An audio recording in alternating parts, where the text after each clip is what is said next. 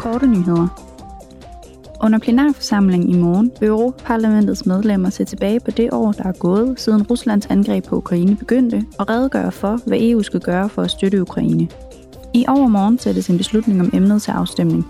Ligeledes på torsdag afholder parlamentets pressetjeneste et seminar, hvis formål er at vurdere de tiltag, som EU har indført som reaktion på krigen, samt de støtteforanstaltninger, der skal minimere krigens indvirkning på EU's økonomi. I morgen vil parlamentsmedlemmerne kommentere på et nyt forslag til en industriplan for den grønne pagt.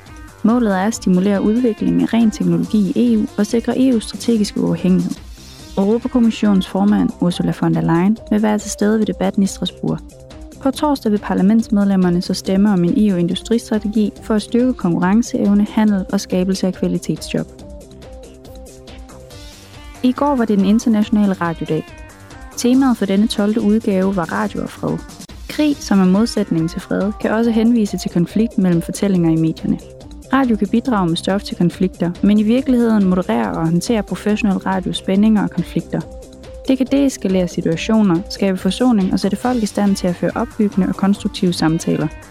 Siden 2018 har parlamentet haft sin egen webradio, der informerer borgerne om parlamentets aktiviteter. Du kan lytte til Europarl Radio på den hertil dedikerede hjemmeside og via Citizens-appen.